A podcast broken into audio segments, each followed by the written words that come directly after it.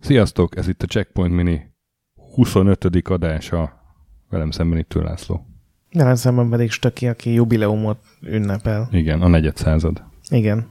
Akkor megbeszéltük valami nagyon furcsa matematikával, hogy még hogy lehet mondani, de igen. De az nem, azt, azt utána néztem, hogy az nem ennyi, amennyit mondtam. Az ötöt fél száz, az nem a 25. Kicsit több annál. Szóval, 25. adás. Golden Axe. Nem. Na, nem, még mindig. Nem, hát a fél század kell megünnepelni egy igazi Jó, klasszikussal. én megpróbáltam, srácok, de akkor inkább a Szepter akkorról beszélünk. Igen, és ráadásul azért beszélünk róla, mert nekem halom, eszembe jutott. Halom a csalódott zúgást. Egyébként, mint kiderült, én is csalódottan zúgtam, előre Na. vetítem a végét, de az egész akkor én találtam ki, mert én annó teljesen oda voltam érte, ugye ez egy gyakorlatilag egy ilyen JRPG-t akartak csinálni, nem japán emberek, aminek egy nagyon furcsa végeredménye lett, és én annó valahol a játék fejénél abba hagytam, és most nyár elején jutott eszembe, hogy ezt elő kéne venni ezt a hmm. játékot, mert úgy emlékeztem, hogy... Korcső alá vetted? Nem, nem. Egyáltalán nem erről van szó. És elkezdtem vele játszani, és, és nem voltak már olyan pozitív tapasztalataim vele, nem tudom, hogy te...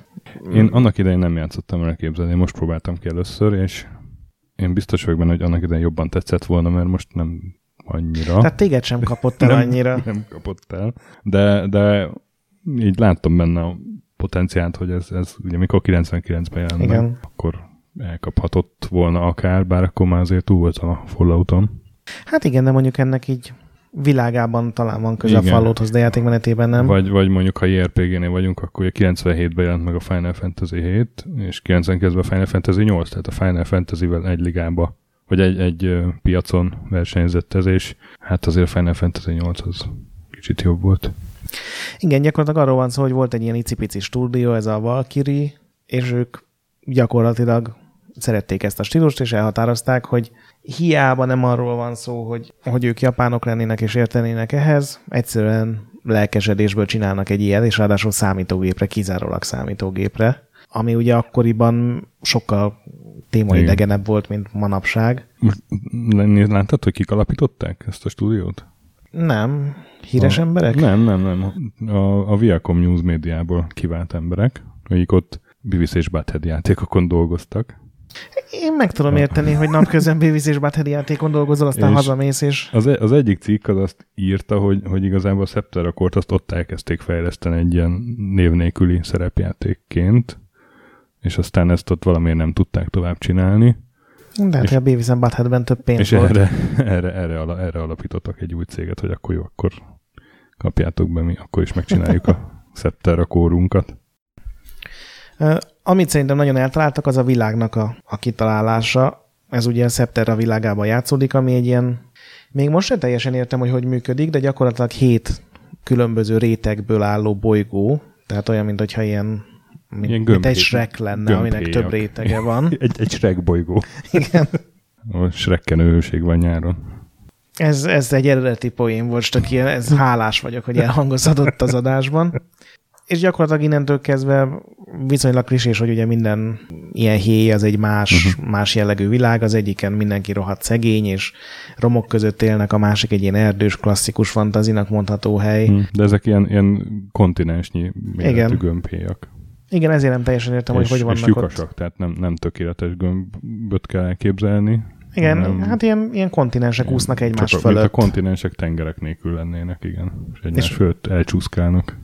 Igen, és ugye a, az elején még úgy tűnik, hogy csak egy-egy réteget fogunk bejárni, de hát aztán nyilván a, a játék körülbelül felénél megnyílik az, hogy majdnem mindenhová szabadon lehet közlekedni, és akkor jönnek elő a játéknak azon kedves részei, hogy három különböző helyről kell összeszedni mindenféle tárgyakat, mert az a negyedik uh-huh. rétegen ugye megnyitja a tovább vezető utat. Ezek a vicces dolgok már annyira nem tetszettek. Emlékszem annó úgy játszottunk vele, hogy, hogy ketten vagy hárman játszottunk így egymás mellett, és aki éppen rájött egy ilyen hülye csavarra, hogy hol kell egy olyan uh-huh. tárgy, akkor mindenki oda rohant, és mentünk tovább, próbálkoztunk tovább.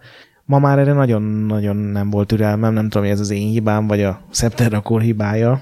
Gyakorlatilag tényleg egy ilyen JRPG-ről van szó, random csatákkal, Pontosabban nem random, mert látszanak az ellenfelek, legalábbis a legtöbb. Körökre osztott ilyen, ez az ATB jellegű küzdelmek, töltődik egy csík, aminek három része van, és minél ö, több részt használsz el egy cselekedethez, az annál erősebb lesz, tehát annál nagyobb a tűz, vagy annál durvább lesz a varázslat. Egyre újabb csapattagok jönnek, mindenkit rohadt lassan, de egyre magasabb szintre tápolsz, tehát ez a igazából játékmenetében nem kínál nagyon sok eredetit. Uh-huh. Most rá kellett jönnöm, hogy a történet is. Igen, mert ugye az a történet, hogy, hogy a Scepter a kór, ezt megfejtetted, hogy a Scepter az miért Scepterra? Mert hét. Mert hét terra, aha, a hét, hét gömbhé, a hét kontinens. Én nem akarok dicsekedni, de szerintem 99-ben is rájöttem. Ja, jó, én, hát én nem gondolkodtam el ezen még, illetve nem ismertem a játékot, én, én, nekem ez egy kisebb reveláció volt. És ugye a mindegyik, gömb, tehát az, a hetedik gömbhéjon belül mindennek a közepén ott a kór, és ott, ott valami olyasmi van, hogy, hogy az nem az zárva két kulcsal, de, de ha azt kinyitja valaki, akkor a, megszerezheti ott a hatalmat. A végtelen, nem tudom. végtelen hatalmat, igen, és... Igen, és természetesen jön egy gonosz kiválasztottak nevű frakció. Sötétbe öltözve, hogyha esetleg kétségeitek lettek volna. és ők, ők megpróbálják ezt a manővert meglépni. De szerencsére akar egy kékhajú lány a legszegényebb, legprimitívebb héjon, aki egy ilyen személyes sértés hatására indul, és a végén nyilván mindent helyre tesz. Helyre tesz. Igen. Tehát ö, sem a karakterek nem túl erősek, tehát a főszereplőkről sem tudunk meg nagyon sok mindent. A párbeszédrendszer elég ilyen alapfokú. Igen. Harcrendszer uh, is. Tehát ott, ott sincsenek nagy trúvályok. Nem, ott igazából ez a hogy azzal lehet taktikázni, hogy kivárom-e az, hogy feltöltődjön a, ez az erő vagy készenlét a mhm. maximumra, vagy inkább ellövök sűrűbben kisebb támadásokat. Uh, illetve a varázslatrendszer még viszonylag igényes, mert ilyen kártyákat tudsz megtalálni, azzal lehet varázsolni, de ezeket a kártyákat lehet kombinálni is. Tehát van egy gyógyításod, meg van egy vízvarázslatod, összekombinálod őket, és akkor a gyógyító hullám az egész csapatodat felgyógyítja, és ugyanilyen kombinációk vannak, hogyha szelet meg a tüzet kombinálod, akkor tűzvihar lesz. Ez sem egy ilyen nagyon formabontó dolog, főleg, hogyha az ember mágusozott, és ugye ott a, a komponens mágiát, vagy mi volt annak a neve, ismertem, mert ugye mozaik mágia, mozaik mágia uh-huh. igen. Azt szólt ugyanerről. Szerintem nekem a harcrendszere pont nem volt semmi bajom, azon kívül, hogy nagyon sokat kellett benne tápolni. Tehát tényleg ez a harcolunk tizet, visszamegyünk a kocsmába aludni, kimegyünk, és ezt meg kell csinálni mondjuk másfél órán keresztül, Igen. hogy legyen elég tápos csapat ahhoz, hogy legyőzzük a fő ellenséget. Azt olvastam, hogy több mint száz játékóra van benne. Ez, ez valid? Teljesen abból kiindulva, hogy, hogy mennyit játszottunk annó vele, és hogy a játék felé jutottunk el körülbelül. Most egy ilyen 15-20 órát tettem bele, és így sehol nem vagyok a sztoriban. Csak az a baj tényleg, hogy a játékidőnek a szerintem 80%-át ezek a harcok mm-hmm. viszik, amikor nem is akarsz már harcolni, de muszáj, meg ezek a rejtett tárgyak. Tehát, hogyha van egy ajtó, azt hiába van vele egy óriási nagy lépegető, egy ilyen robot karakter nem tudja betörni, mert kell hozzá egy kábel, uh-huh. ami a világnak a másik felén van egy ház mellett letéve, és ha esetleg nem veszed észre a barna kábelt a barna talajon, akkor bármeddig küzdhetsz, mehetsz, kereshetsz, vagy megnézel nyilván egy végigjátszást. Úgyhogy ezek a dolgok azok, amik már, már így nem nagyon tetszettek. Mondom, én teljesen arra készültem, hogy végre visszatérek a Septerra korhoz, és, és majd itt lelkendezve beszámolok róla, de én rá kell döbbennem, hogy nem, ez, ez valami elromlott az elmúlt 17 évben. Te meg most találkoztál vele először, de gondolom akkor, akkor ugye... Hát nézd, nekem, nekem is, tett, tehát ami nekem tetszett belőle, az, az a világ volt tényleg. A, ugye az egy ilyen tudomány is van, mágia is van, robotok is vannak, varázslatok Igen, is vallás vannak. is van. Ilyen, ilyen nagyon kutyult világ, de amivel szemben én mondjuk, tehát ez, ez a fajta, ez nekem nem mindig jön be, de, de itt valahogy nagyon jól ki voltak találva a, a hangsúlyok, illetve, illetve nekem még, még az a, a grafika is aránylag tetszett, amikor, amikor a játékteret láttam, és nem a átvezető videókat, mert az átvezető azok, videók azok, azok még annak idején is borzalmasan rondák voltak Igen. szerintem. Hiszen, hiszen tehát tényleg fél évvel a Final Fantasy 8 után jelent meg, és hát ott ugye a báltermi jelenet, meg a nem tudom mi. Igen, ott, ott volt pár nagyon durva Igen. rész, de hát ezt ugye a Topware adta ki, vagy terjesztette, tehát ebből gondolom, hogy a büdzsé nem lehetett óriási.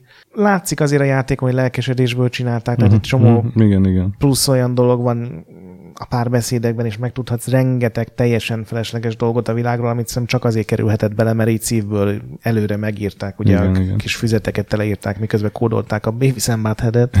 Illetve, illetve a karakterek is tetszettek az, azok, akikkel találkoztam. Tehát van ez a kék hajulány, Igen, neki álmodtam csak igaz talán, meg a punk csávó, a grab igen, van egy egy punk technikus. technikus, illetve hát szemétből épít robotokat kb. Igen, akiket a gonosz polgármester aztán rabszolgaként használ, és Van egy, van egy szerelő kis csaj, aki egy nála háromszor nagyobb csavarhúzóval flangál. na ez olyan Final fantasy -s. Ugye? Az, az abszolút Final Fantasy volt. Van valami robot is, nem? Vagy robotkutya? Robot, hát igen, Valamint. van egy robot is, meg van egy robotkutya is, meg van egy sima ilyen kardos csávó. Így a karakterek dizájnja szerintem jó, meg ötletes, meg tényleg ritkán van ilyen robotkutya, vagy ez a Mhm, Punk. mhm, mhm. csávó, aki például így meg tudja hackelni a számítógépeket néhol. Ezek így koncepcióban tök jók, csak semmi személyiségük, nincs semmi Igen, mélységük. Igen, tehát igen, igen, igen, igen. Tehát a, a világ jó, a, a karakterek azok úgy jók, de aztán a sztori az meg, ahogy mondtad, az nagyon egyszerű. Tehát, hogy Igen. Teljesen beazonosíthatók a gonoszok, meg a nem gonoszok, ami például pont a Final Fantasy 8 tükrében elég primitív Mhm, megoldás. mhm, mhm. Nyilván az FF8-ban is voltak azért bődületes nagy állatságok a sztoriban, de ott legalább igyekeztek megkerülni a dolgokat, úgyhogy én, én, én a legnagyobb szomorúságomra egy checkpoint nemet mondanék Igen, rá. Egy- checkpoint duzzogvát. Nekem óriási csalódás volt, valószínűleg ez, ez játszik közre. Hát checkpoint nemet a Under a Killing Moonra adtunk, és annál azért ez Akkor checkpoint időt álló. talán, vagy checkpoint duzzogva, nem tudom, miben maradtunk, sajnos teljesen elfelejtettem a A duzzogva. custom neveket. Igazad van, nem érdemli meg, mert nem egy szar, Mm. nem játszhatatlan, csak, csak már akkor egy kicsit elmaradott Igen, volt, amikor igen, megjelent, igen, és igen. Egyébként utána néztem egy-két review-nak, és a Eurogamer például négy pontot adott rá a tízből, tehát annak idején. én biztos vagyok benne, hogy az Edge is ugyanilyen És- állásponton és lehetett. valami ilyesmi alcíme volt, hogy Rotten to the Core. Tehát, hogy ugye ez a szójáték a korra, hogy a veleig rohadt, Igen. ami Hát nem, nem ez- túl megnyerő, tehát hogy, hogy ezt szerencsétleg csináltak lelkesedésből egy játékot, gründoltak ezért egy céget, és aztán kapnak egy ilyet. Ez, ez valahol érthető, mert hogyha tényleg úgy nézed, hogy lerakod mellé a Final Fantasy 8-at, ami ugyanazokban a hónapokban jelent meg, akkor ez egy, ez egy katasztrófa, ez egy, ez egy elmar. Olyan, mint amikor leraksz egy mostani ilyen, teszem azt például most a Star Ocean-nel játszom, és azt, hogyha a Witcher mellé odarakom, az egy akkora mérhetetlen visszalépés ahhoz képest, egy tavalyi játékhoz képest, hogy egyszerűen szinte értékelni is alig lehet. Meg hát akkor még nem volt azért úgy annyira élesen megkülönböztetve az indie meg a nem indie, mint most, de hát ugye most is készülnek ilyen hasonló játékok. Igen, de most, most ugye általában az indie játékok mindenki pixel grafikát Aha, igen, igen. választ, és ők vagy humorral, vagy, vagy a sztorival próbálnak általában. Például az Undertale én- is én ugye egy... Ezért gondolok ezekre a, a Wasteland 2, meg, meg a tehát a, van, vannak ilyen izometrikus szerepjátékok, amik kijönnek, és odarakod a Witcher 3 mellé, és teljesen elmaradottnak tűnik, de mégis tudod azt Igen. máshogy kezelni. És Meg, ez, meg abban találsz más Aha, mélységeket, igen, mert igen, például a. Wastelandben is. mondjuk per, jó, tehát azt nem mondom, hogy, hogy ez egy Wasteland kategóriai játék volt a Scepter, akkor csak, hogy, hogy egy ilyen kis, in- gyakorlatilag indie csapat megcsinálta, és aztán Igen, hogyha nem mérjük a... rávetült a óriási árnyéka a Final Fantasy 8-nak. Igen. Lehet egyébként, hogy annó azért tetszett meg, mert ez annyira fű alatt jelent meg itthon is, szerintem alig sem nem voltak előzetesek, nem mutogatták E3-akon, hogy így tökre örültem, hogy találtam egy PC-n egy, egy JRPG-t. Még azt mondjuk el, hogy ennek a, játék, ennek a cégnek ez volt a egyetlen játéka, mert aztán Igen. Igen. szerencsétlen csődbe mentek 2001-ben. Igen, itt is volt terve véve egy konzolos kiadás, ami nem jött össze, volt terve véve egy folytatás, ami csak papíron Mhm. létezett, meg elkezdtek csinálni valami angyalos multiplayer. Ez a Seraphim nevű 3D Igen. lövöldözős játék, de azt is cancelálták. Igen, arról láttam egy videót, az sem tűnt úgy, mint ami megváltja a világot. Egy nagyon furcsa játéknak tűnt az is. És így néztem, így az alkotók aztán így eltűntek, nem nagyon dolgoztak utána már a játékokon. Hát egyébként ez biztos óriási csalódás, hogy tényleg így kiteszed a lelkedet, és a nem jön össze az, amit te milyen, milyen, képzelt. milyen melankolikus lett ez a 25. adás. Igen. A Golden Axe nagyon jó játék, viszont azt próbáljátok ki. Igen, a Golden Axe egy, egy checkpoint kötelező plusz. De azért kipróbáljátok a Scepterakort is, ha Igen, csak ne nézzétek meg az féltek tőle. átvezető videókat, mert akkor szerintem azonnal uninstall. igen, és hát készüljetek fel ezekre a dolgokra, amiket mondtunk, amik Igen. esetleg zavaróak lehetnek. De hát ez is a szokásos Gogon Steam-en 5-6 dollár, de bele szokott csúszni mindenféle értékelésbe. Igen. Úgyhogy jövő héten jövünk vendéggel, ez volt a 25. Checkpoint Mini, és továbbra is játszatok sokat, és mentsetek. És a nagy pixel gyönyörű. Sziasztok! Sziasztok!